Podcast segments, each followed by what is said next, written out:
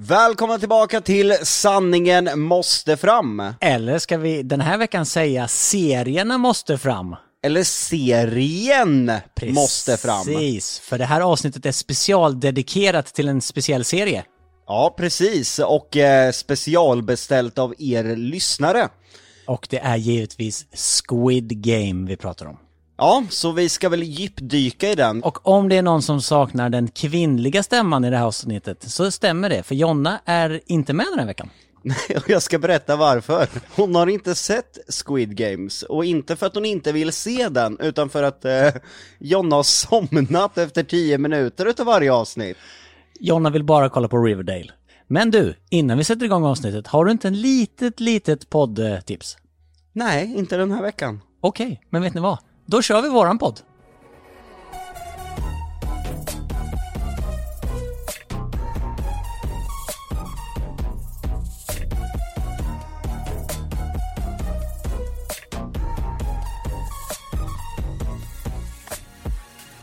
Okej, Squid Games alltså. Ska vi dra lite bakgrundsfakta? Vad är det för serie? Det är ju en sydkoreansk serie som bara fullständigt exploderade på Netflix. Det är då, man kan väl säga fattiga människor som har förlorat hoppet om livet, som får chansen att eh, komma tillbaka i samhället genom att kunna vinna en stor summa pengar genom att eh, leka koreanska barnlekar. Det är ju en jävligt mörk premiss egentligen. Kommer du ihåg när det var eh, populärt med de här hobo fights i USA? När så här rika skitungar betalade hemlösa människor att fightas och, eh, och så filmade de det och la dem ute på nätet och så fick de här hemlösa lite pengar. Det är ju verkligen supermörkt och lite så är det ju med det här Squid Game-premissen. Att man tar fattiga människor som egentligen inte har någonting att leva för, tycker ju de då alltså, de fattiga människorna, och lockar med en stor summa pengar för att egentligen göra något helt sjukt. Det beskriver ju också eh, världen vi lever i idag, hur mycket pengar betyder för människor, så det finns ju faktiskt något djupare bakom där också, hur långt är människor villiga att gå för pengar? Men eh, det som är sagt utav människor som tittar är ju att det här är det bästa de har sett. Det är kul att se att även utländska, alltså icke-engelsktalande serier går bra, som Lupin som är fransk, El Casa de Pap... ja, La Eh. Casa de Papel, Yes. precis. De pratar ju spanska. Ja, precis. Och den går ju också som tåget. Ja, och det känns som att det är lite ny frisk fläkt, för tidigare Speciellt hemma hos oss när vi har satt på någonting så är det bara, "Ah, okej, den var inte engelska, men vi skiter i det. Man gav det nästan inte en chans. Men det tycker jag att den, de vindarna har ändrats lite. Och nu ger man mer serier en chans. Ja, ja, verkligen. Till exempel, jag personligen kollar hellre på eh, danska kriminaldeckare än svenska. Jag tycker att Danmark ligger betydligt längre fram än Sverige där. Och danskarna är fan geni på att göra eh, kriminaldrama. Ja, de är grymma, det, det måste man ge dem. Men som du säger, man accepterar mer ett eh, annat språk än engelska idag. För du har väl inte, nu hoppas jag verkligen att du inte har kollat på The Squid Game med eh, dubbat. Nej, absolut inte, men en eh, rolig grej var att eh, Lupin, när jag satte på den, av någon anledning så eh, gick den igång med det engelska spåret. Och eh, jag var tvungen att ha ganska lågt på i och med att barnen sov. Så det var bara någonting, fan vad konstigt det här känns. Sen ringer väl jag till dig och, och säger det och du bara, men den, den är ju på franska. Och jag bara, nej, jag, jag sitter och kollar på den på engelska. Och då har jag suttit och kollat på en dubbad version. Det är fruktansvärt. Nej, det var fruktansvärt, för det kändes så här. Fan, den där rösten passar inte den här människan. Men jag har märkt det att på Netflix nu så börjar, nästan när det sätts igång, så utan att man väljer själv så sätts det nästan på med engelsk dubbning som att de bara förväntar sig att folk vill ha det. Nej, dubbning är hemskt. Dubbning är fruktansvärt. Eh, Jag är glad att vi lever i ett land där dubbning inte är eh, det normala. Nej, tänk att vara i Tyskland. Där är allt dubbat. Det är allt dubbat. Men tillbaka till Squid Game då, för frågan är, tycker vi att den här serien är så bra som alla säger? Är det världens bästa serie? Av en skala eh, upp till 10 så vill jag ändå ge den en sjua. Jag är nog med på den, mellan sex och en halv och sju hade jag lagt den. Precis, den, det är mellan 6 och 7. För den är absolut bra i den liksom, det är ju spännande, man vill ju följa de här människorna, de gör de här galna lekarna. Men det, det finns för många missar för att bli den här 8, 9, 10 på skalan. Ja, alltså alla jag pratar med säger att det är en 10 utav 10. Och då blir jag så här, men hur lättköpta är människor? Det är en 10 utav 10 om man utgår ifrån hur den här serien gjordes, för det är ganska spektakulärt. Eh, normala serier idag, hur många manusförfattare kan det vara? Väldigt många. Många, det, det är många producenter, många manusförfattare, må, många exekutiva producenter. Det är många kockar för att göra en sån här stor soppa i vanliga fall. Ja, och till och med serier kan ha olika regissörer, jag får inte säga regissörer, för det där har folk påpekat så mycket. Ska vi, ska vi ta det en gång för alla?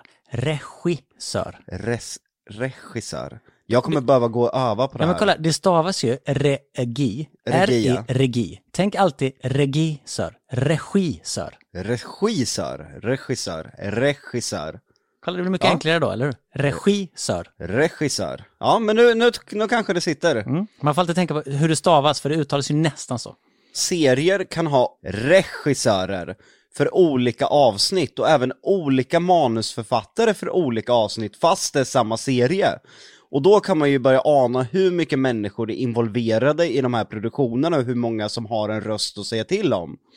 Med Squid Game ska det sägas att en enda person har ensam skrivit det här manuset. Och bara det är 100 utav 10. Men vi måste ju betygsätta den här serien utifrån att det inte existerat. Vi måste bara utgå ifrån innehållet. Vet du vad vi ska göra? Vi ska utgå eh, och betygsätta det här så som andra människor betygsätter våra serier. För det, vi har ju haft den diskussionen så många gånger att tänk om folk kunde betygsätta våra serier utifrån budget och ambition och vad det faktiskt blev. Ja, för det gör de ju inte och där, därför behöver inte vi heller betygsätta på det här sättet. Eller hur? Nej, det är därför jag är så rädd. Jag ska ju göra en långfilm. Förresten, för er som lyssnar, ifall... jo jag har sagt det va? Ja, du sa det, du var inne på det eh, förra veckan. Och jag är eh, livrädd, eh, för i mina DM öser in folk som skriver att jag vet att du kommer göra den bästa svenska skräckfilmen. Oj, Lilla pressen. lilla pressen, det är min första långfilm någonsin. Och det folk inte förstår är ju att man inte själv är ett sånt stor jävla produktion. Det man måste förstå är att det är så många kockar inblandade och money talks är det ju nästan alltid. Så hur ska du förbereda dig mentalt inför din, din långfilmsresa? Det undrar jag. Eh, Min fråga kommer de som jobbar med mig vara beredd på hur mycket jag, du vet ju hur mycket jag slåss med näbbar och klor när jag ser att oj oj, det här kommer gå åt helvete, jag kan inte tillåta det. Hur inblandad kommer du vara? Ja. det, om, om vi ska vara krassa så finns det ju folk där ute som tänker så här, okej, de kommer sätta Jocke Lundells namn på filmen för att dra eh, publik. Men så är det ju inte, eller hur? Nej, jag är väl högsta chefen kan man väl säga, jag har sista ordet och där känns tryggt. Eh, jag är inblandad i alla delar, jag har jobbat med den här filmen i över ett år. Men det ska tilläggas att manuset är inte skrivet utav mig. Utan eh, jag har fått till mig manuset, jag har tackat ja till att göra det här jobbet, att eh, göra en film på det här manuset. Så det är inte mitt manus, det är inte jag som har skrivit filmen och redan där så är jag lite inmålad i ett hörn. Jag kan på plats ändra vissa repliker, jag kan dra handlingen lite, jag kan göra det mörkare, ljusare, lättsammare. Men jag har ju en handling att gå efter. Och hela premissen är ju liksom satt, så den får du ju köpa. Den kommer du inte kunna ändra på plats. Och vad gör du om du märker att fan, den här skådespelaren som just spelar in en scen, han eller hon håller inte. Hur gör man då som högsta hönset på en film? Alltså sparkar man den och bara tar in en ny, måste filma om alla scener? Du förstår ju hur mycket som kan hända. Det är ju mitt jobb att se till att vi inte kastar människor som på plats inte håller för den rollen, utan där är jag också med hela processen vilka vi ska kasta och jag har ju mina drömnamn, jag hoppas vi kan få till några utav dem i alla fall, så jag vet är väldigt duktiga skådespelare och skådespelerskor.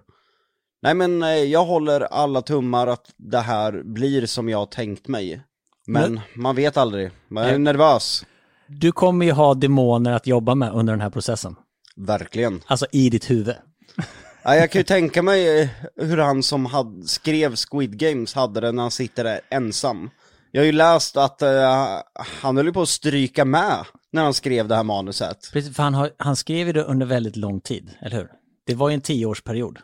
Nej, han skrev det för tio år sedan Han, bara. han skrev det för, han hade själva idén och skrev det för tio år sedan, men sen har han inte fått till det för nu. För han har försökt att sälja det till andra ställen, men ingen har nappat. Precis, och det, det, det, är ju, det är ju lite kul nu i efterhand de ställena som faktiskt tackade nej till det här. Det måste ju blivit en ganska kall dusch nu. Det måste varit en sån jävla härlig fuck you-finger till alla de som hade eh, tackat nej. Jag läste att han sa om det blir en säsong två så kommer han inte att skriva manus själv i alla fall. Det kan jag förstå. Eh, Jag har ju precis jobbat nu med Helenius hörna. Vi hade ju tre manusförfattare som hjälptes åt för att liksom skriva. Och tänk då den här otroliga serien som de har gjort, alltså Squid Game, den har han gjort helt själv. Nej, jag, jag vill bara lägga mig och be framför honom, till honom. Nej men alltså all cred.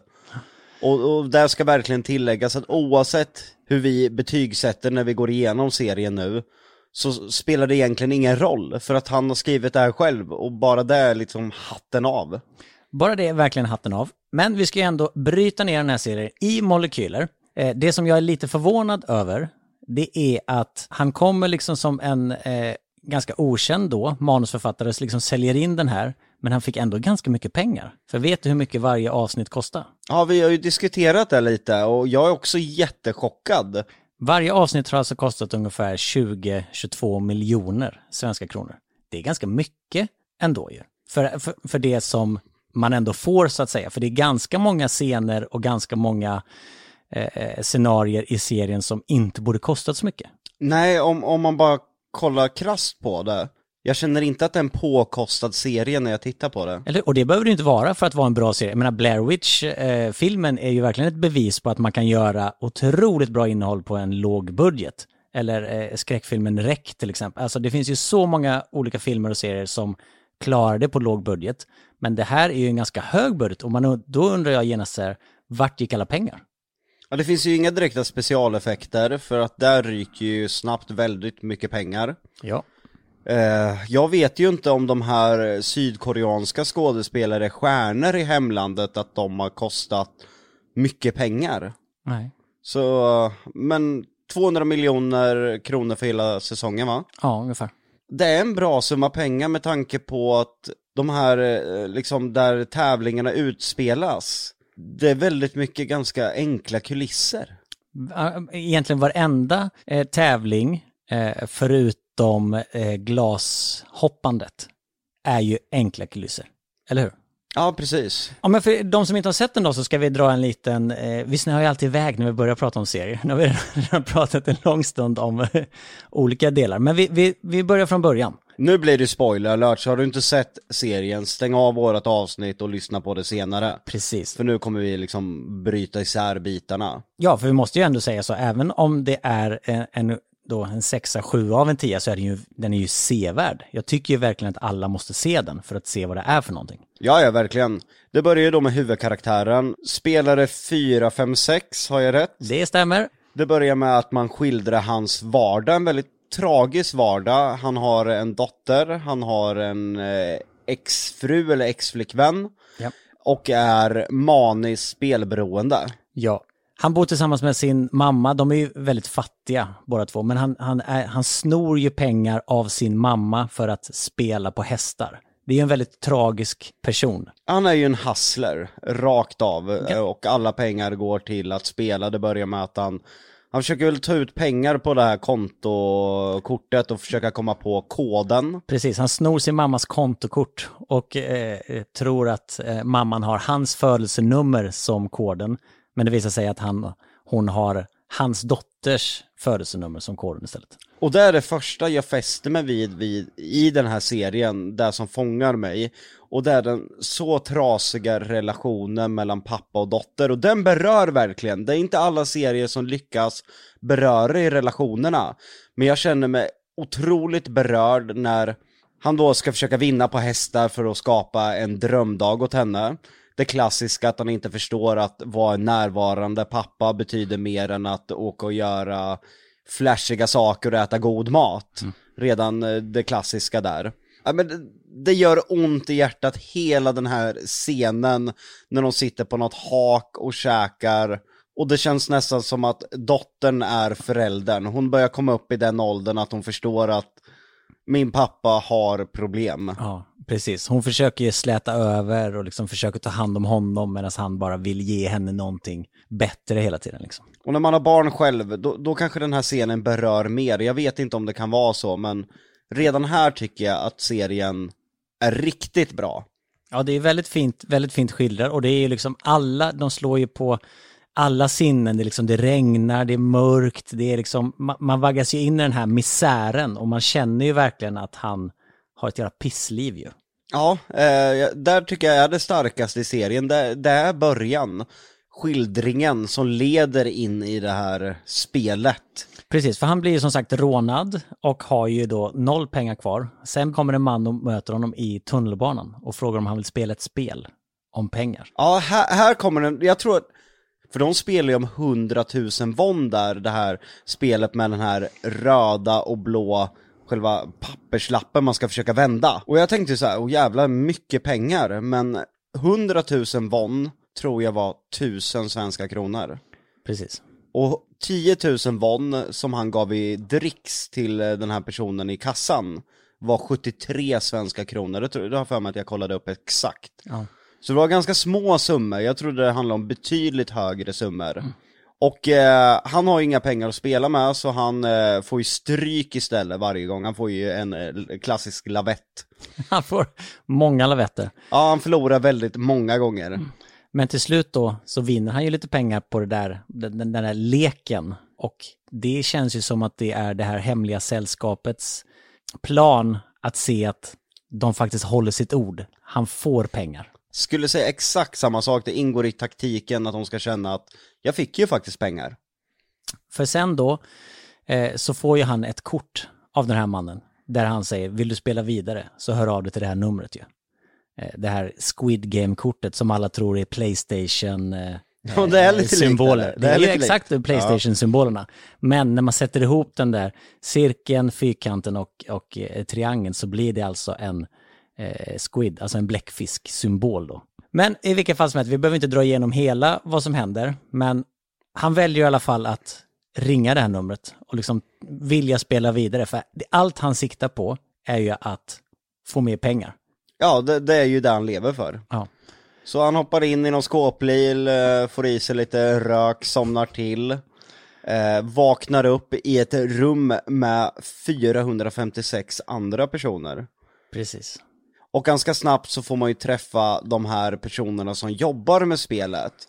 De är alltså uppdelade i fyrkanter, cirklar och trianglar va? Precis. Men innan, förlåt, innan vi börjar där, märkte du det klafffelet som hände från att han hade fått stryk till att han vaknade upp i det här konstiga rummet?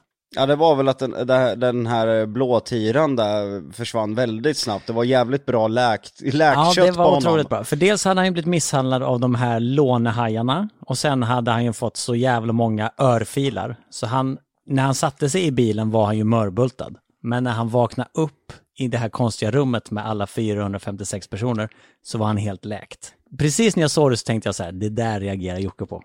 Ja det gjorde jag. Eh, jag hade aldrig tillåtit det kan jag säga. Nej, det var dåligt. Jag gillar inte klafffel. Och för er som lyssnar som inte vet vad klafffel är, det är till exempel om jag är med i en film, jag går igenom en dörr med ett örhänge och kommer ut utan örhänget på andra sidan.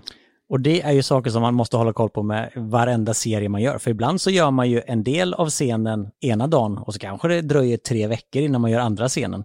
Och då har man alltså folk som håller koll på det där stenhårt, men det är lätt att glömma. Ja, det ska tilläggas, eh, både filmer och serier, det spelas inte in i tidsenlig ordning utan man kan hoppa hejvilt i både filmer och serier.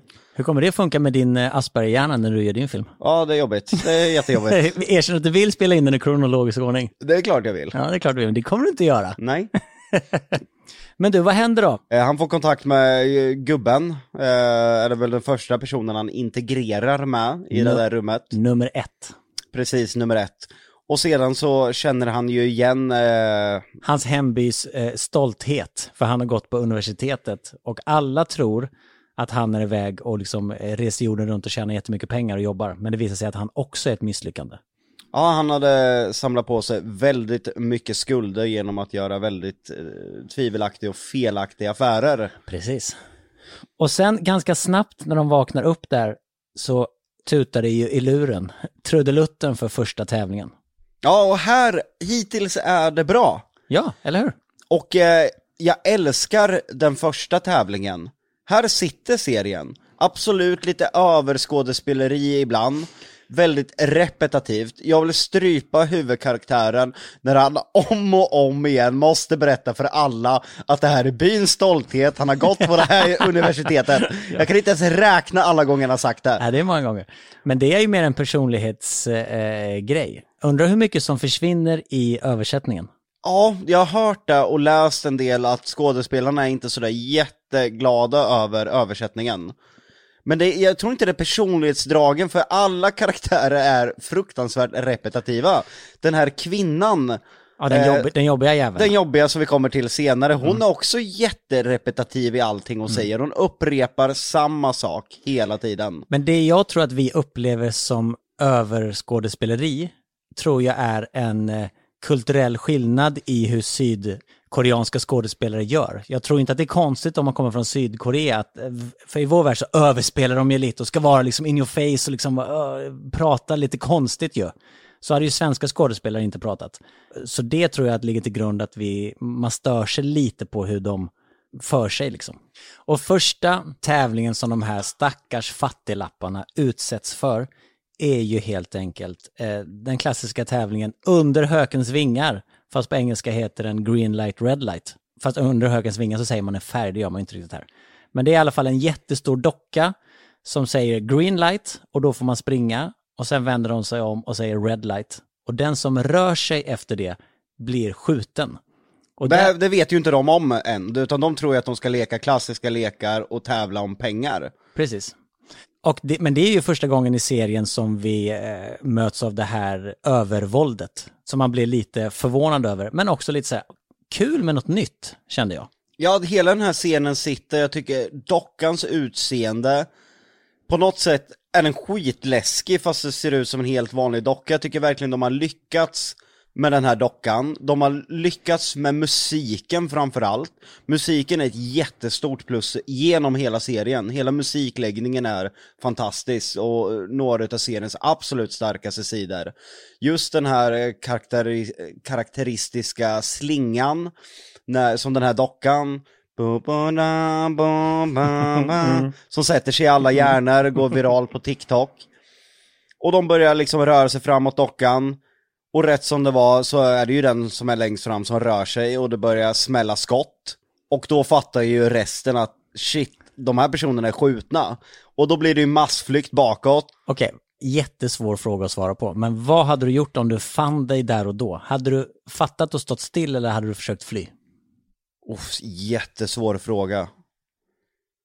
Jag hade nog med tanke på att jag, för, jag hade nog förstått att jag inte kommer därifrån. Så jag hade nog blivit tvungen att spela med i leken. Men det är lätt att sitta här och säga.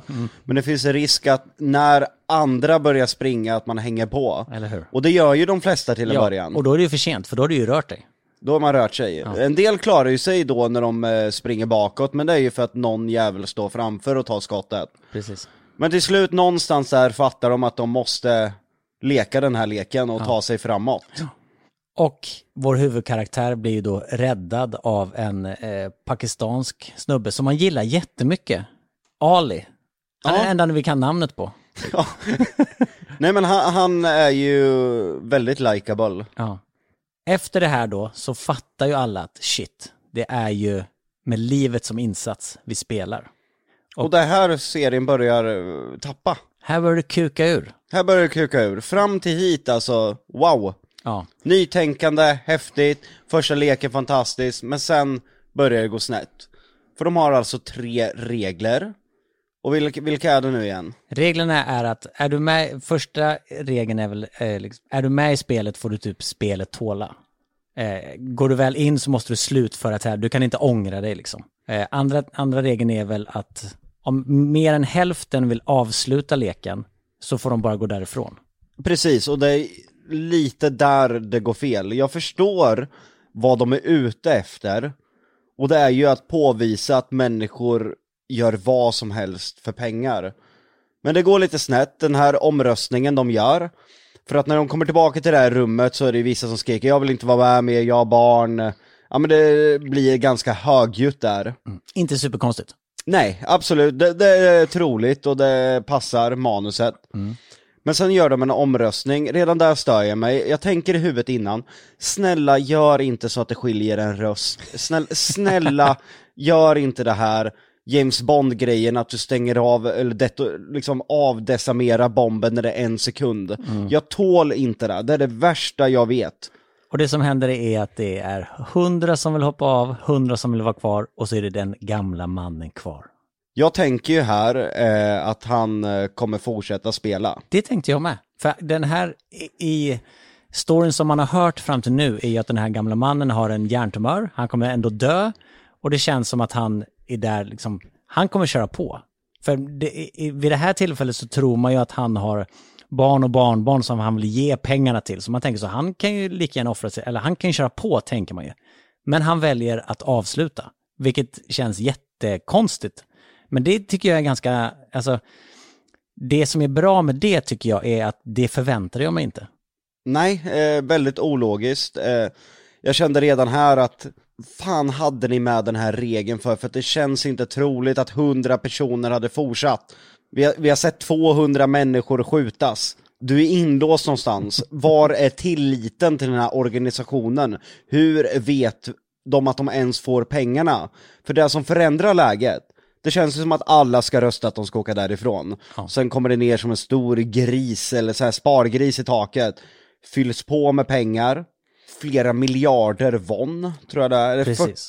är det 45,6 miljoner won? Miljarder won. Miljarder won, ja. Det är en miljard per spelare. ja, så det blir 360 miljoner svenska kronor. Exakt, det har jag faktiskt också kollat upp.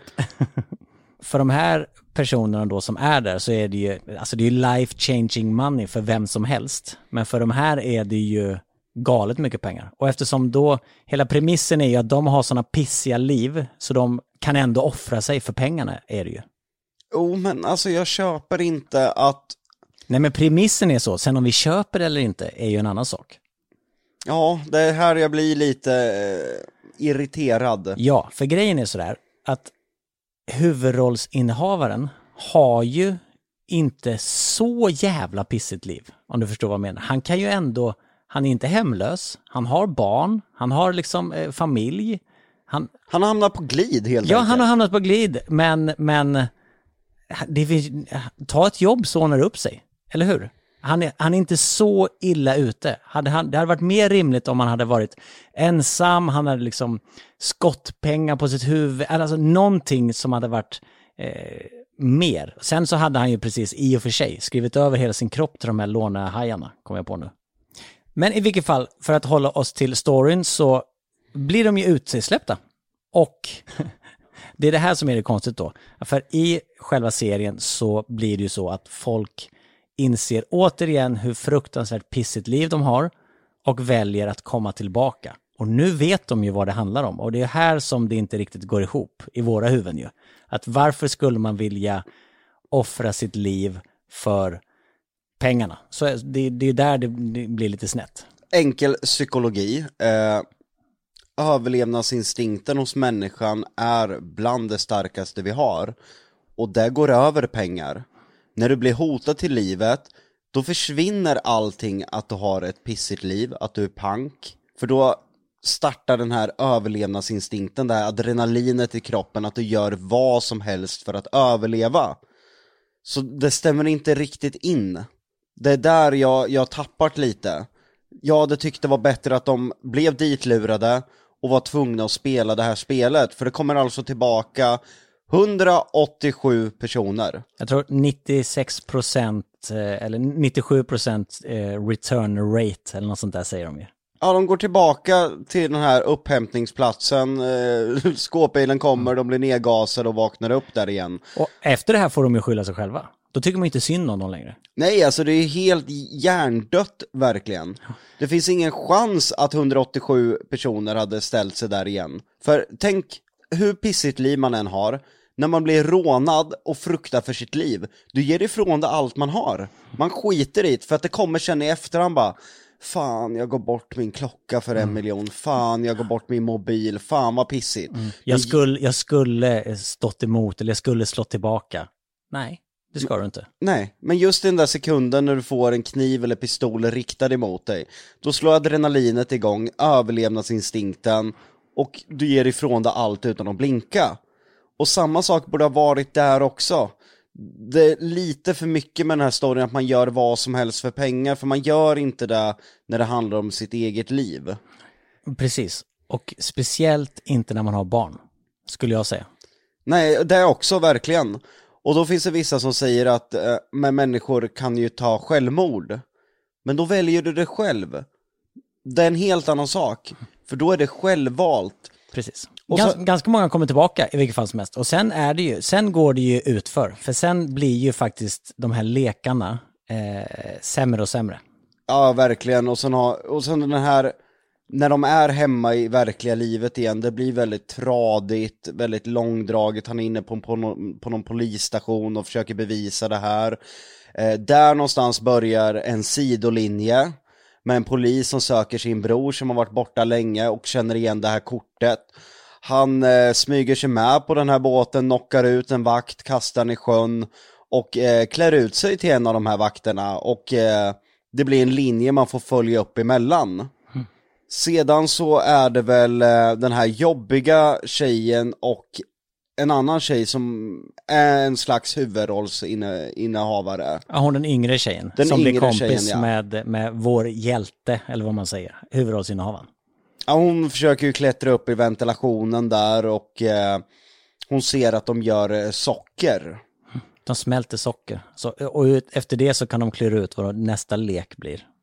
Och sen finns det ju en mullvad i gruppen också, eh, en doktor som i förväg får veta vad de här spelen går ut på. Och här någonstans börjar det ju bli grupperingar.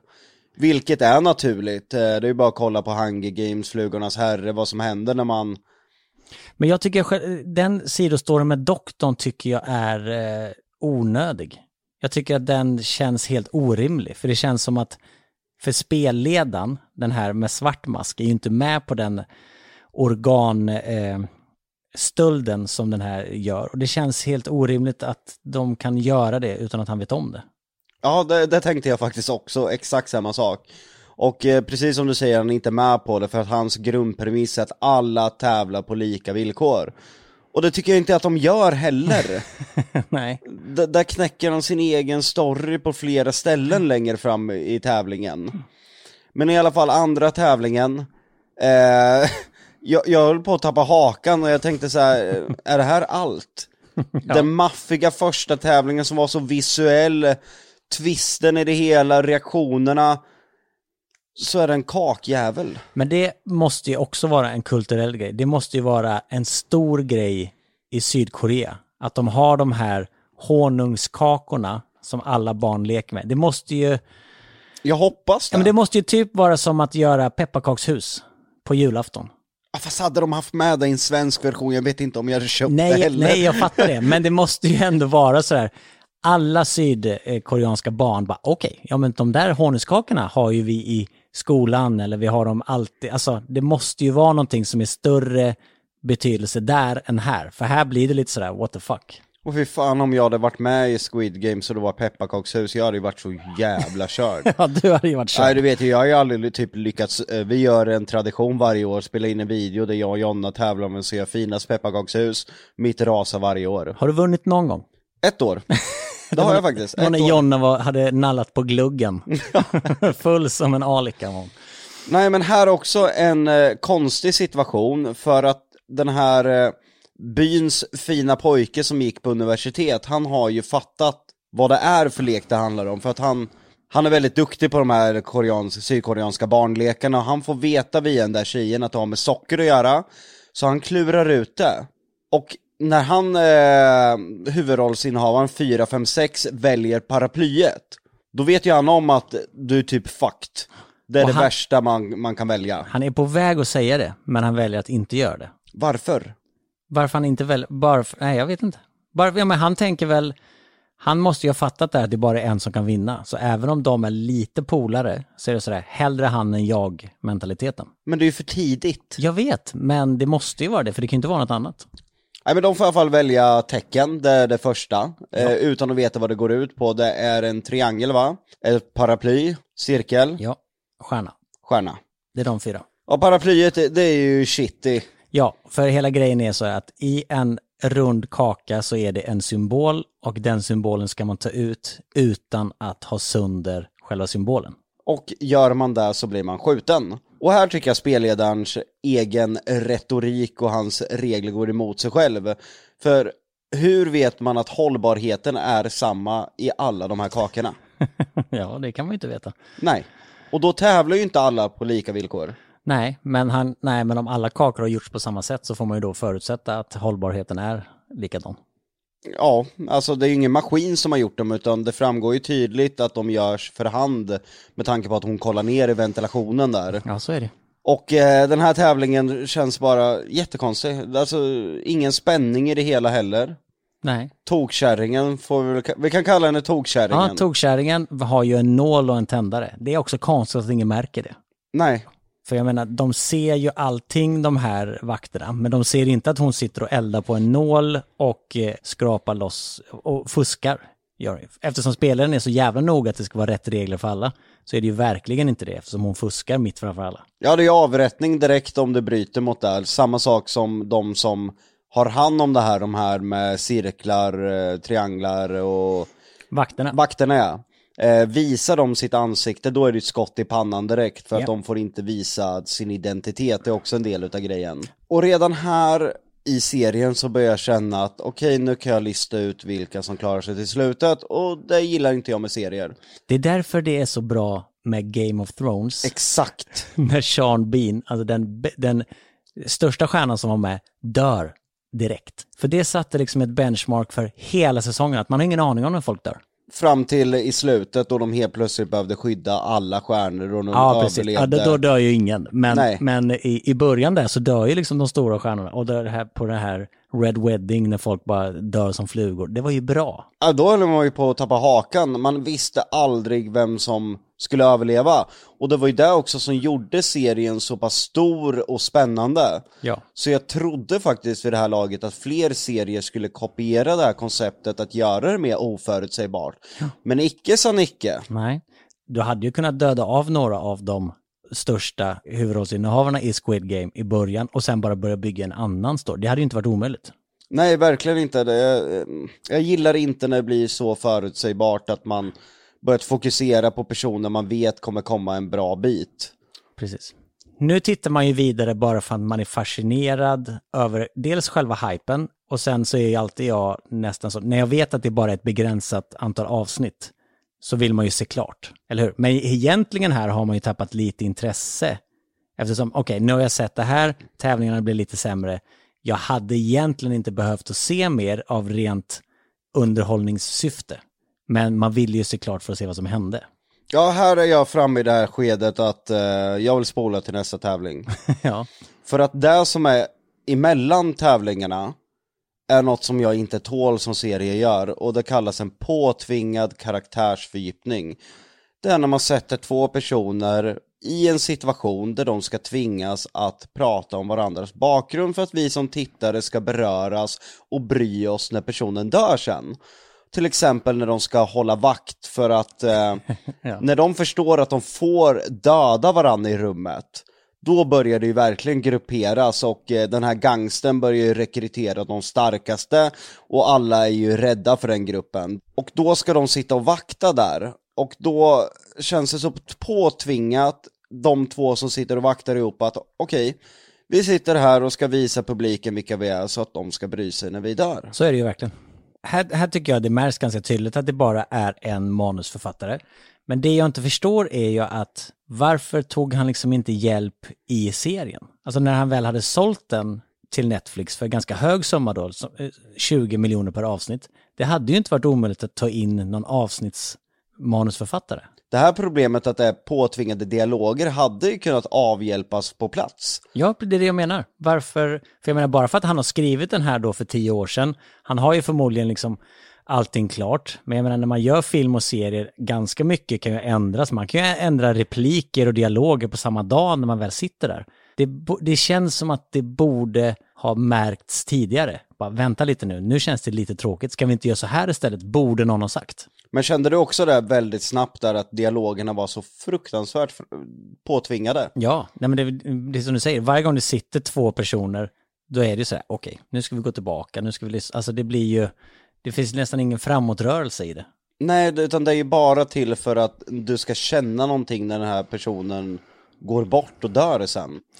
Men, och vilken är tävling nummer tre? Det är dragkampen. Precis. Som jag också kände bara, okej, eh, fanns det inget lite mer fantasifullt än en klassisk dragkamp? Vilka lekar hade varit med om det hade varit en sven, svensk Squid Game? Eh, kubb. jag sa faktiskt och tänkte på det, hade jag gjort Squid Game kul så hade jag gjort det. Då hade jag nog ställt människor som kubbpinnar på jättelångt avstånd, Mhm. de får ha pistol i handen, avståndet ska vara så långt att du faktiskt kan missa. Mhm. Sen får man börja skjuta på andra sidan, få ner en eh, liksom spelare. det är Fatt- jättekul ju. Ja, det är kul. Visst hade det varit lite Ja, kul? det är kul. Och sen ska man skjuta någonting i, i mitten som är det kung, kungen. Alltså det behöver inte vara en person utan det kan vara någonting som man ska träffa bara för att vinna. Precis, och då hade, de, hade man eh, delat ut så här, ni ska dela upp er fem och fem, eh, de vet inte vad det går ut på, och sen får man, behöver inte vara en pistol, kan vara ett armborst, vad Ja. som helst. Det är jättekul eh, Squid Game-tävling. Ja, jag, jag tror fan det hade varit bra. Och istället för honungskakan så är det pepparkakshuset. Nej, det hade varit något helt annat. Ja. Ku- Kurragömma är väl klassiskt svenskt? Alltså kurragömma tycker jag att de borde ha kunnat köra. Och hide and seek är ju super, alltså det finns ju i alla länder. Det är, ju, som. det är ju sjukt att vi ändå har varit och nafsat på Squid, eh, på Squid Games. Ja. För våran hide and seek eh, går ju ut på, även om det på låtsas, eller det är, ju, det är ju Squid Games också, men i serien så är det ju på riktigt. Vårt är ju mer Ja. skriptad, eh, skriptad del utav realityn, och det är ju att de här deltagarna som är med, när man blir hittad, blir ju dödad i serien. Precis. Vi, var, vi har varit inne och nallat på det Ja. universumet. Vi har varit och nafsat lite. Ja. Men i alla fall tillbaka, Ja. de, de ska välja ut eh, tio i varje lag va? tio i varje lag, ja. Och det ska ju tilläggas att det inte är en vanlig dragkamp självklart, utan det laget som förlorar blir dragna utför, utanför ett stup, repet kapas, du ramlar ner, det kommer en gaffeltruck och, truck och hämtar dig. Ja, Du tokdör. Och du sitter fastkedjad i det här repet. Precis, så du drar för ditt liv kan man säga. Och här har ju den där doktorn varit och tjallat lite, att eh, man behöver starka personer.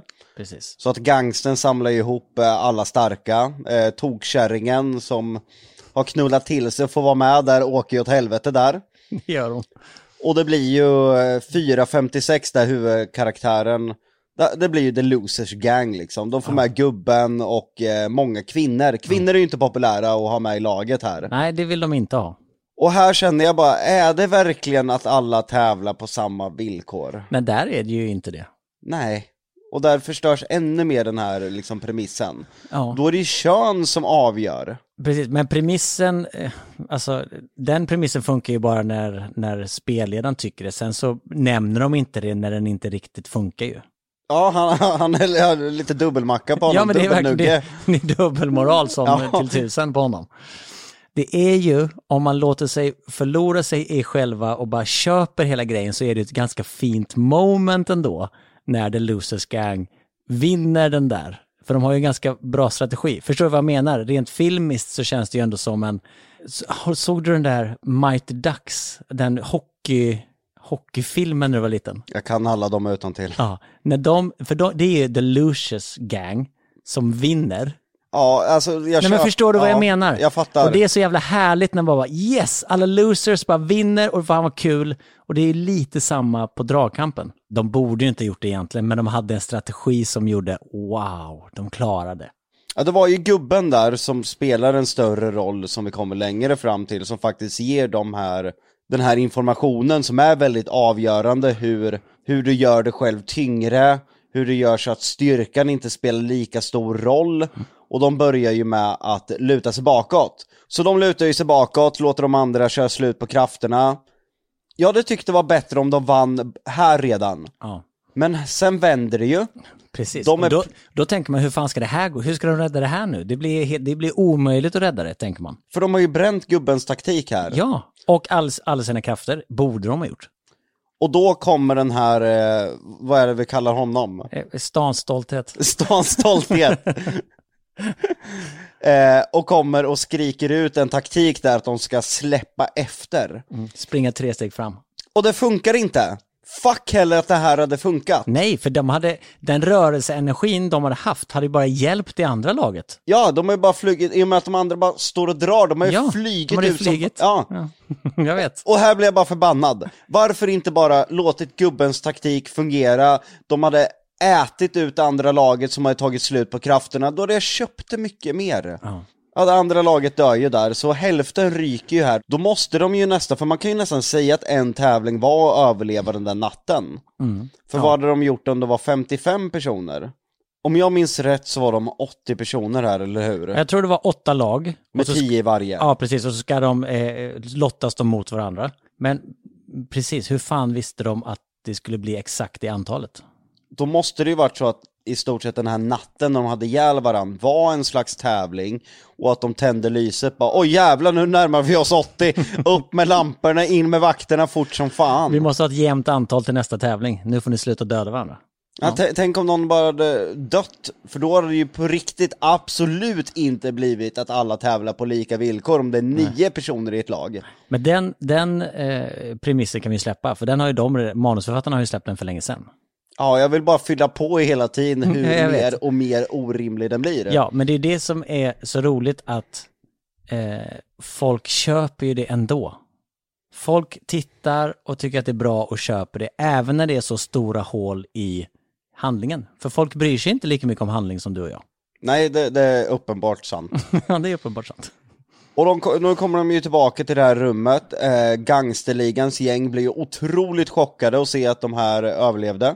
Det är ju väldigt tydliga grupperingar vid det här laget. Ja, Eh, det är mobbarna mot eh, Lucius gang. Är det och helt plötsligt så ibland så dyker det upp nya personer som man ta mig fan inte har sett en enda gång, som bara helt plötsligt är där. Ja, så är det. Det dyker ju upp en ny tjej i laget som den här unga tjejen rekryterar för att de har ju svårt att få ihop folk till dragkampen. Så de bestämmer ju att alla får gå och försöka rekrytera folk där i rummet och ta med sig en person. Och då, eh, den här unga tjejen som är huvudrollsinnehavare, hon tar ju med sig en ny tjej som man aldrig någonsin har sett innan. Nej, henne har man inte sett. Så eh, jag tycker det poppar upp nya personer lite här och var som inte ens har skymtats innan. När det behövs. Ja, men det, vi har ju konstaterat att det finns många hål i storyn. Men det är ju ändå väldigt imponerande att det är en person som har gjort allting. Men jag tycker att hålen borde täppts igen under resans gång. Ja, speciellt under inspelningen, det finns väldigt mycket som hade kunnat tätats med lite spackel och färg. Nästa mördarlek är att de ska spela kula. Innan jag ens hade sett det så sa du så här, kulan, det är det sämsta i hela jävla serien. Nej, det är fruktansvärt. Det finns en liten del utav det som är bra och tragisk som man mår riktigt dåligt utav. Resten är bara blaha blaha. Ja, och där är alltså, de ska dela upp sig 2-2 och då tänker man, eller alla tror att man ska para ihop sig med den man vill tävla med. Och sen så visar det sig att man ska spela mot den i kula och den som förlorar dör. Ja, de är väl 40 stycken nu va? Eller Ja. 41? 41, för det är, den galna kärringen hittar ingen, ingen vill vara med henne. Så man tror att hon dör direkt. Men då kommer de ut i något landskap, eller inte landskap, det ser ut som en liten eh, lummig, mysig by. Ja, en, en by med bakgård. Och där har de 10 kulor var, de får själva bestämma vilket spel de ska köra. Ja, de hade kunnat klunsa om det. Men den som har minst kulor när tiden är slut, eller blir av med sina kulor, är det Här tycker jag att de gör ett ganska stort fel, för här hade det kunnat bli otroligt starkt och jobbigt om man hade fått följa det gifta paret. Ja, de valde fel spår. Ja, det kan man säga. Och här kommer den värsta dialogen genom hela serien. Alltså, det skakar i min kropp när jag ens tänker på det. Jag kommer ihåg att jag var tvungen att ringa till dig, för att jag var så jävla arg. Ja. Och det är de här två unga tjejerna. Den ena tjejen vill inte spela kula, utan hon vill sitta och lära känna den andra tjejen. Och då blir jag så här, men snälla, kunde du inte i manus ha försökt karaktärsfördjupa den här tjejen på ett annat sätt? Ja, det är konstigt ställe att karaktärsfördjupa någon. Liksom, de, de har 20 minuter på sig att spela den här kulan. Och hon säger så här, äh, vi väntar, vi kan väl prata först. Och han bara, varför? Varför just där och då? De har precis bott tillsammans, de har kunnat göra det när som helst. Det är ju för att det inte har funnits eh, en naturlig eh, fördjupning på ingen utav tjejerna egentligen. Men en utav tjejerna ryker ju där och då måste man ju få någon fördjupning i, vem är hon? För annars blir man ju bara, okej jag bryr mig inte för jag vet fan inte ens vem den där personen är. Nej. Och det slutar ju då med att den ena tjejen offrar sitt liv för andra, vilket också är helt orimligt, för de har precis träffats. Varför i hela fridens namn skulle hon göra det? Hela den där relationen mellan dem är bara, Ja men det är så konstigt och det, det som de har som argument är att den ena unga tjejen precis kommit ut från fängelse och hon bara sådär, jag har ändå ingenstans att gå, jag kan lika gärna dö. Och hon är typ 21 år. Det är så orimligt. det, det är bara weird hela, hela deras snack. Hur hon ger upp, för hon släpper väl bara kulan? Ja, deras, eh, de har valt att eh, spela eh, kulan närmast väggen. De, de kastar kulan och så ska de komma De när, kör ju på närmast ett väggen. kort, eller hur? Ja, precis.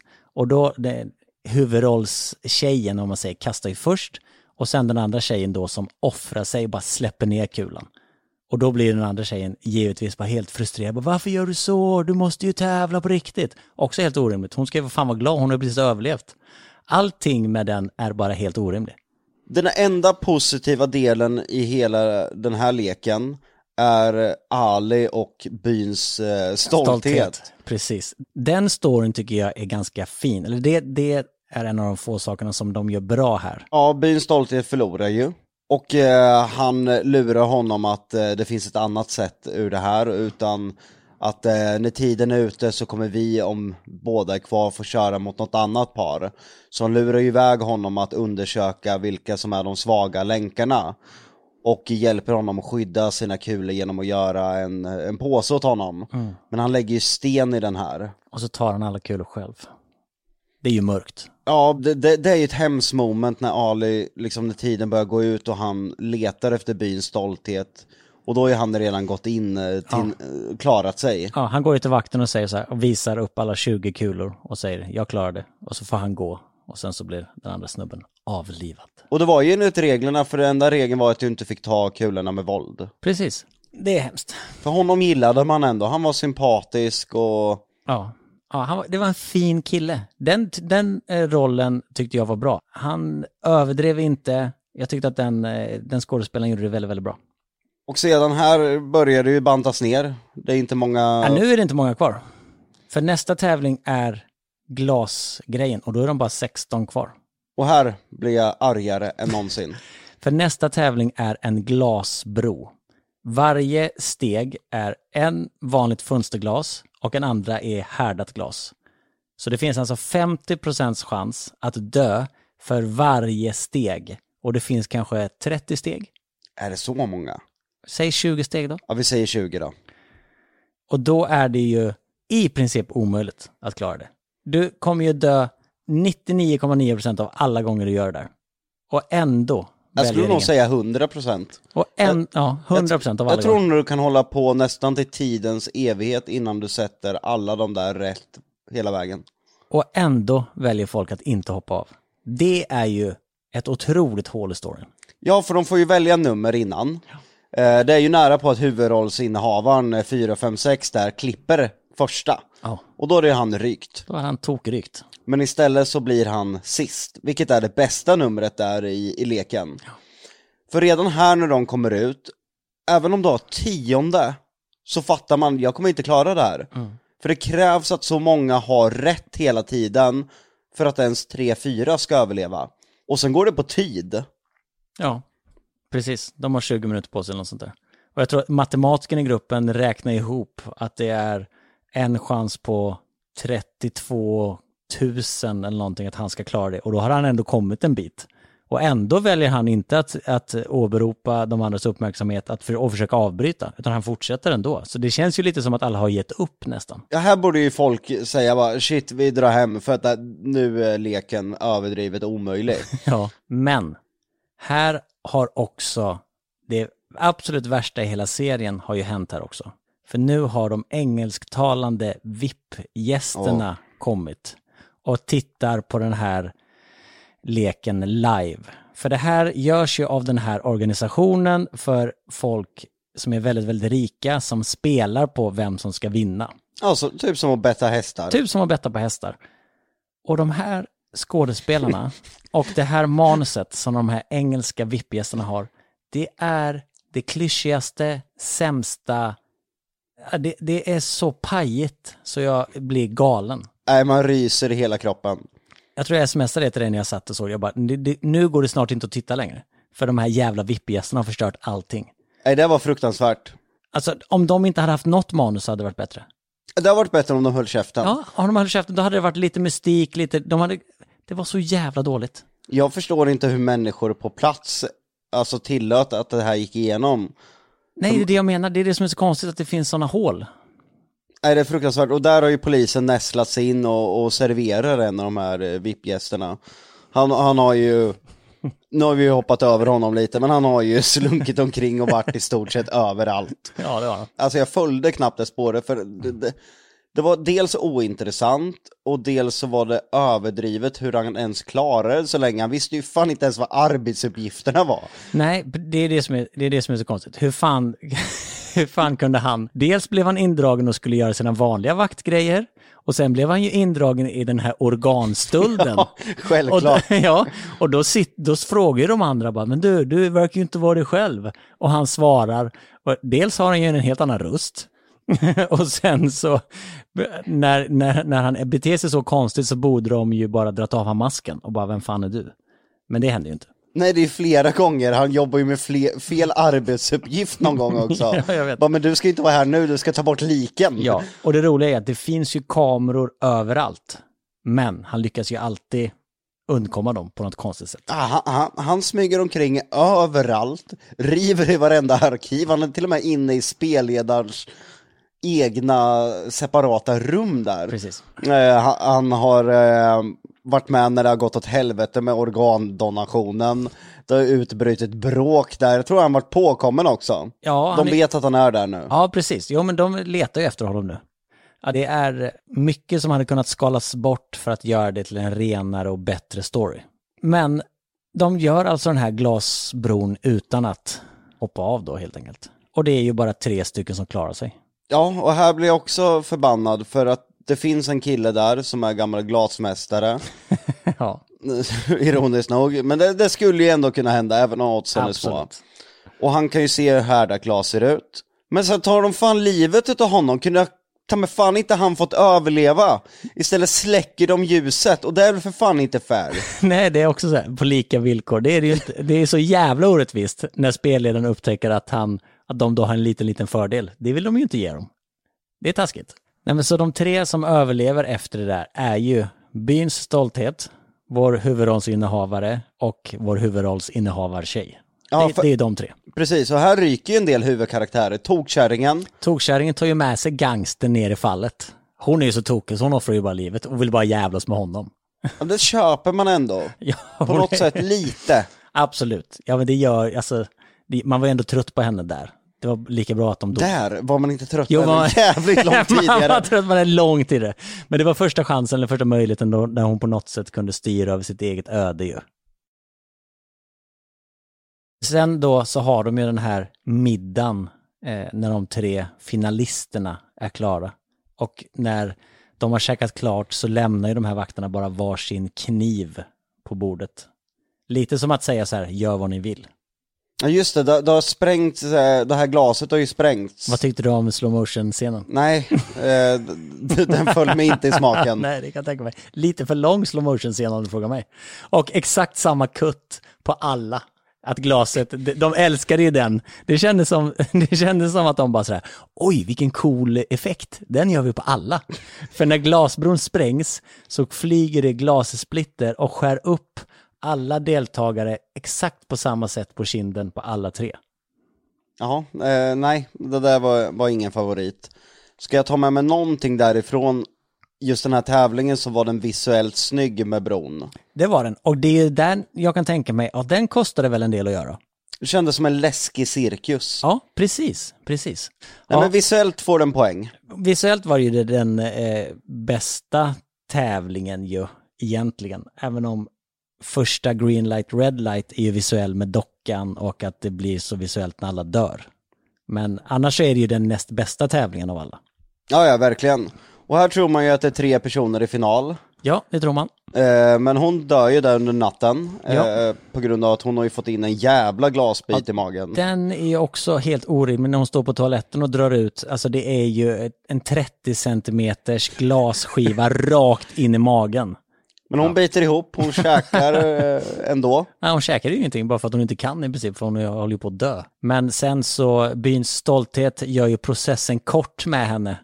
När eh, huvudrollsinnehavaren påkallar vakternas uppmärksamhet, då går ju han fram och hugger henne i halsen så att hon dör, stendör.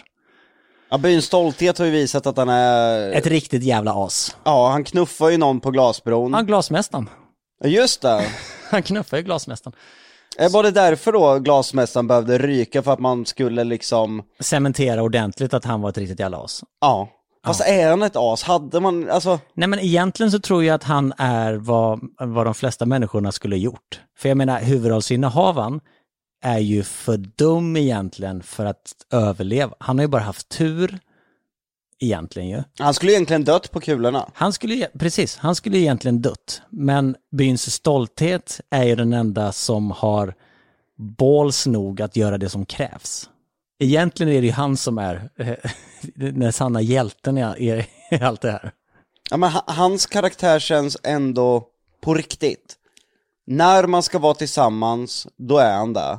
När det handlar om att överleva själv, då gör han det. Han känns ändå som en avspegling av vad en människa hade gjort i situationen. Precis. 4, 5, 6, eh, själva helhetshuvudrollen. Huvudrollen.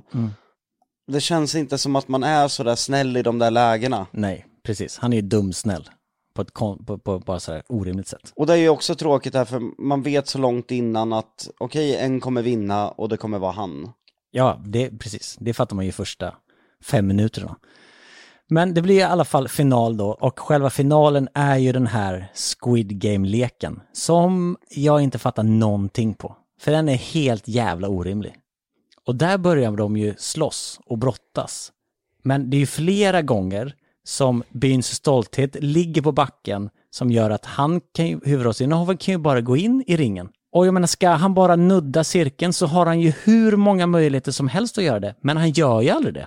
Nej, och den här leken känns ju bara som en maskering av att de egentligen bara ska slå ihjäl varandra. Ja, precis. Det känns som de, de missar ett superbra tillfälle från att göra en bra jävla duell. För det blir bara ett vanligt slagsmål. Ja, och fördjupa någonting, deras relation tidigare, göra någonting som berör mer. Ja. Det blir eh, en pannkaksfinal, tycker jag. Ja, verkligen, och sen ska ju han helt plötsligt när han har vunnit det här slagsmålet, Det är ju ännu sämre. ja, ge upp allting och han ska ju ta med byns stolthet och åka hem. Ja, precis. För då åberopar han upp regeln att när hälften av deltagarna vill hoppa av så måste han göra det. Så då säger han, jag vill hoppa av. Och då är det också helt orimligt. För den här själviska byns stolthet som hela tiden har varit ett jävla as och bara vill vinna. Jag menar, han är ju ganska svårt misshandlad vid det här tillfället, men han hade ju förmodligen överlevt. Men då tar han en kniv och sätter i sin egen hals. Då gör de det där klassiska att de inte vill döda honom som liksom ett jävla asshole. Så då gör de som i så många filmer när en skurk avbönar egentligen på, på dödsbädden där. Precis. Jag menar, om man ska, följ- om man ska vara riktigt kritisk liksom, och följa hans byns stolthets karaktärsutveckling, då skulle han ju aldrig göra det. Varför i hela fridens namn skulle han begå självmord när han hade kunnat klara sig? Försökte de göra något eh, oförutsägbart som bara blev pannkaka? Jag vet inte, men det är så orimligt för det är ju så okaraktäristiskt att just den personen som har varit så hård och skoningslös under hela tävlingen helt plötsligt begår självmord. Nej. Varför? Och här vinner ju han Squid Games. Då, eh, då vinner han Squid Games, då vinner han alltså 45 miljarder won, alltså ungefär 360 miljoner svenska. Men Blir han, gasad i en limousin igen. han blir gasad i en limousin, men han får så dåligt samvete efter det här. Så under ett helt år så rör han inte ens pengarna. Nej, och här tänkte jag att det sys ihop den här berörande storyn med hans dotter i början. Ja. Att faktiskt göra något fint utav det, men man ser inte hans dotter mer. Nej. Man ser istället någon annans barn. Och det nej, inte någon annans barn, någon annans... Eh, Det är tjej, eh, huvudrollsinnehavaren, hennes bror bor ju på barnhem. precis. Och han tar, hjälper honom från barnhemmet och ger, ger honom, men lite så, till byns stolthetsmamma. Och en jävla massa pengar. Och en jävla massa pengar. Och skiter i sin egen unge. Precis, Igen. för han ska ju flyga till Los Angeles där hans eh, egen unge bor, men Han vänder. han vänder. För då ringer han Squid Game som säger så här, gå på planet, säger den här spelledaren då. Men han väljer att inte göra det, för nu ska han, nu ska han hämnas eller något så. Det, det måste ju vara upplagt för nästa säsong av Squid Games när han då ska bli den här, som vi har pratat så många gånger om, eh, den här hämnaren som ska åka och hämna. Han kommer säkert lyckas och döda allihopa, men han, har ju, han är den sämsta att göra någon sån sak. Men han kommer säkert lyckas. De, de har sett att de har eh, hur många beväpnade vakter med det är- automatkarbiner. Det är hur många som helst. Hur mycket pengar har de om de kan ge bort 45 miljarder won? Hur Hur, mycket som helst. många personer är han? En? Och ändå kommer han förmodligen lyckas nästa säsong.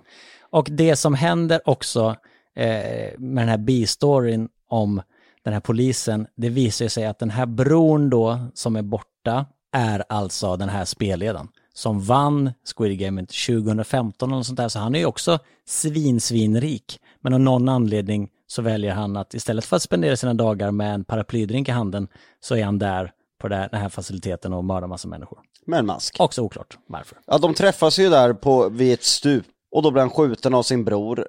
Väldigt tydligt i axeln. Jag har aldrig sett en mer tydlig axelträff.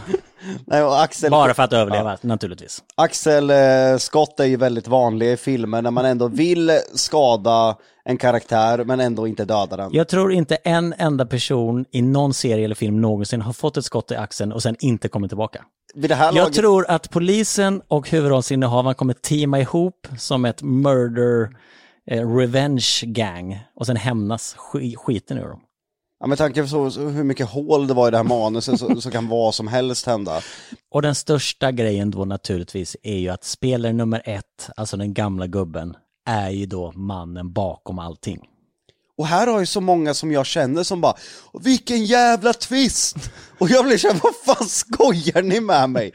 Det framgår inte varför eller någonting. Nej. Du får liksom ingen förklaring på det, så hela twisten bara tappas. Ja, verkligen. Och jag såg det direkt när den gamla mannen förlorar kulan. Man har sett alla andra personer dö, men just där så pannade kameran över och följde med huvudrollsinnehavaren istället. Och då tänkte jag så här, okej, han har ju överlevt. Annars hade man ju sett det där skottet i pannan, för det har man ju verkligen sett på allihopa. Han är ju inte fastkedjad när de kör dragkamp heller. Precis, så det finns ju sådana små hintar. Och Och det är- tycker jag är smart. Ja, och i första leken, Red Light, eh, Green Light, är, blir han heller inte uppmappad av den här dockan. Och då, det fattade man ju inte då, utan det har man ju klurat ut senare. Så det är ju ett finns- litet Easter egg. Ja, det är sådana där små hintar som, man, som är härligt, eh, men som man inte hade någon aning om just där och då. Det är pluspoäng i alla fall. Det är pluspoäng. Men sen hoppas jag att man får någon conclusion där för att han bjuder in honom då till en byggnad där som är väldigt eh, steril, det finns inte mycket i byggnaden förutom hans sjukhussäng. Eh, han vill leka en sista lek och slå vad om om någon ska hjälpa den här. Eh, Stackars hemlösa mannen som ligger utanför i snön och håller på att dö. Och där tänker jag bara, ha, får vi svar på allting nu? Nej. Och där kommer också en av dina favoriter, att det var i sista sekund. Det var James Bond-bomben igen. Ja. Det var på klockslaget, exakt blir han räddad. Och att gubben dör precis efter också. Ja, precis. Det kunde inte varit dagen efter. Nej, nej, det var, det var tvunget att göra det där och då. Han hade uthärdat det här bara för att få prata med honom. Precis, det är också så konstigt. Men du fattade ju tidigare att det var gubben också på grund av handen. Precis, När för det- spelledaren pratar med det, hög, det högsta hönset. chefen över hela organisationen ska ut och möta dem. Men då kommer spelaren in till honom och man ser att han sitter där med sin mask som är en sån där glittermask av något djur. Och då ser man på hans hand att den är jätte, jättegammal. Och då tänker jag så här, det måste ju vara gubben. Masken är ju också ett plus. Masken, precis. Hela liksom vakternas dräkter, Ja, spelledaren, det är ju väldigt smart sätt att bygga en franchise. verkligen och att verkligen få ett eh, kännetecken. Precis. Tänk vad mycket dräkter och mycket merchandise runt omkring de kan sälja bara på grund av en sån enkel sak. Kolla på halloween, jag kan lova, Ja. det kommer vara så mycket. 98% av alla som klär ut sig kommer ju vara, ha antingen de gröna eh, jumpsuitsen eller eh, maskerna som vakterna har. Men sen så, han färgar håret eh, rött i en damfrisyr. ja. Men du hade någon eh, teori varför, för att jag fattar aldrig bara varför väljer du någon gammal tantfrisyr? Nej men det är så, både du och jag har ju liksom googlat och läst på lite inför det här avsnittet bara för vi tycker om att nörda ner oss. Och någon teori är ju att alla som har någonting rött på sig, det vill säga vakterna och den här organisationen, det är de som har kontroll och de som inte har kontroll är de som är grönklädda. Och när han då färgar håret rött, som är då i deras värld en kontrollfärg, så blir det han som har kontrollen och nu är det han som jagar dem. Eh, Ja, alltså, Ja, du behöver inte köpa den bara för att det står på nätet. nej det är ju en liten konspirationsteori. Så är det. På samma sätt som många tror att gubben ska vara hans pappa. Precis. Och det, det finns ju lite hintar när de är och ska spela kula i den här som, det ser ut som en liten by. Då säger båda att det ser ut som där de växte upp. Precis. Han pratar om uppväxten, någonting om att eh, fick stryka pappan eller vad det är, jag kommer inte ihåg exakt vad som sägs. Men det har de gemensamt också. Gubben pratar om någon, eh, sin sons födelsedag, som jag tror är den 26 april. Eh, när han slår in sin födelsedag så är det den 24 april har jag för mig att det, Men där förstår inte jag riktigt teorin för det skiljer ju två dagar men de menar det är så nära in på varandra. Så frågan är, vill han att man ska tro att det är hans pappa eller är det bara slumpgrejer? Ja, och hade det spelat någon roll om det var hans pappa? Ah, gubben tjallar ju inte när han fuskade i kula-spelet. Nej, precis. Det är ju tack vare gubben han överlever. Annars hade han varit död där i kula-spelet. Ja, så är det. Gubben hamnar i hans lag i dragkampen. Mm. Ser till att de får det här tipset så att de vinner. Precis. Men också, eh, om den här gubben hade velat ge pengar till sin son så hade han ju också bara kunnat göra det. Ja, så det kan man ju också göra. Det hade varit lite enklare. Det här kanske är hans sätt att umgås med barnen. ja, precis. Eh, men å andra sidan, då hade det inte blivit en serie. Nej, men det framgår inte så tydligt varför han gjorde det här mer än att han hade jävligt tråkigt. Precis. Ja, gubben säger ju själv att anledningen att jag ville vara med på spelet, för han har ju hållit det här spelet ända sedan ja, men, jättemånga år. Och det här verkar vara första gången som han faktiskt är med i spelet själv. Bara för att han ville ha spänning eh, och eh, leka lekarna som han gjorde när han var ung på nytt. Ja, då har vi väl brassat igenom. Jävlar vad långt avsnitt det blev. Ja, det är det längsta avsnittet vi har gjort hittills. I oklippt så är det en timma och 46 minuter. Det kommer det inte vara när ni hör- på det. Men eh, Det kommer ändå. vara långt ändå. Det kommer vara långt. Men jag tycker det är ganska kul att gå igenom så här noggrant ju. Men om man ska sammanfatta så, du och jag tyckte serien var bra fram tills eh, efter dockan här, att den sjönk i kvalitet hela tiden. Precis, den sjunker i kvalitet. Och nu när vi pratar om den så låter det som att vi egentligen kanske dissar den mer än vad vi gör. Men vi hyllar den ju också på något sätt på grund av att det är bara en man som har gjort allt jobb. Den är ju ändå nyskapande och det blev ju ändå liksom någon slags chock och en snackis. Och det måste man ju ge den cred för också.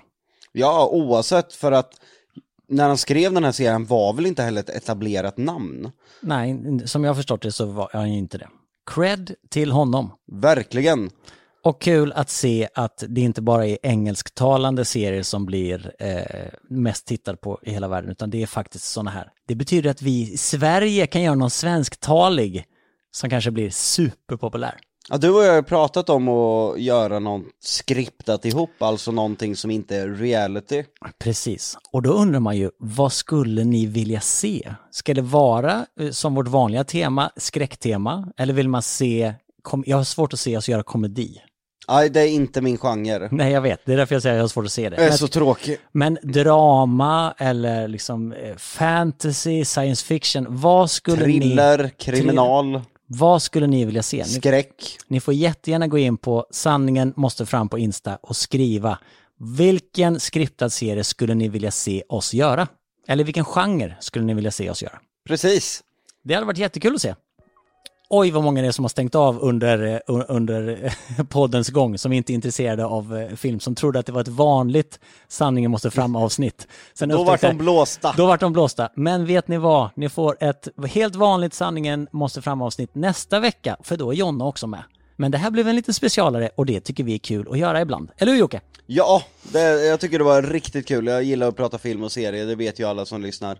Och vem vet, det här kanske blir en förgrening som blir en egen film och seriepodd. Vill ni ha det kan ni också skriva det i kommentarerna på Sanningen måste fram. Ja, för vad jag förstått så är ju många som har uppskattat både film och serieavsnitten innan.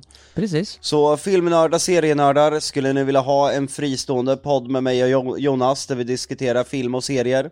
Kommentera på Instagram, sanningen måste fram. Ja, har ni genomlidit hela det här jävla avsnittet så kan ni i alla fall gå in och skriva en liten kommentar. Eller hur? Tusen tack för att ni har lyssnat. Vi hörs och ses nästa vecka.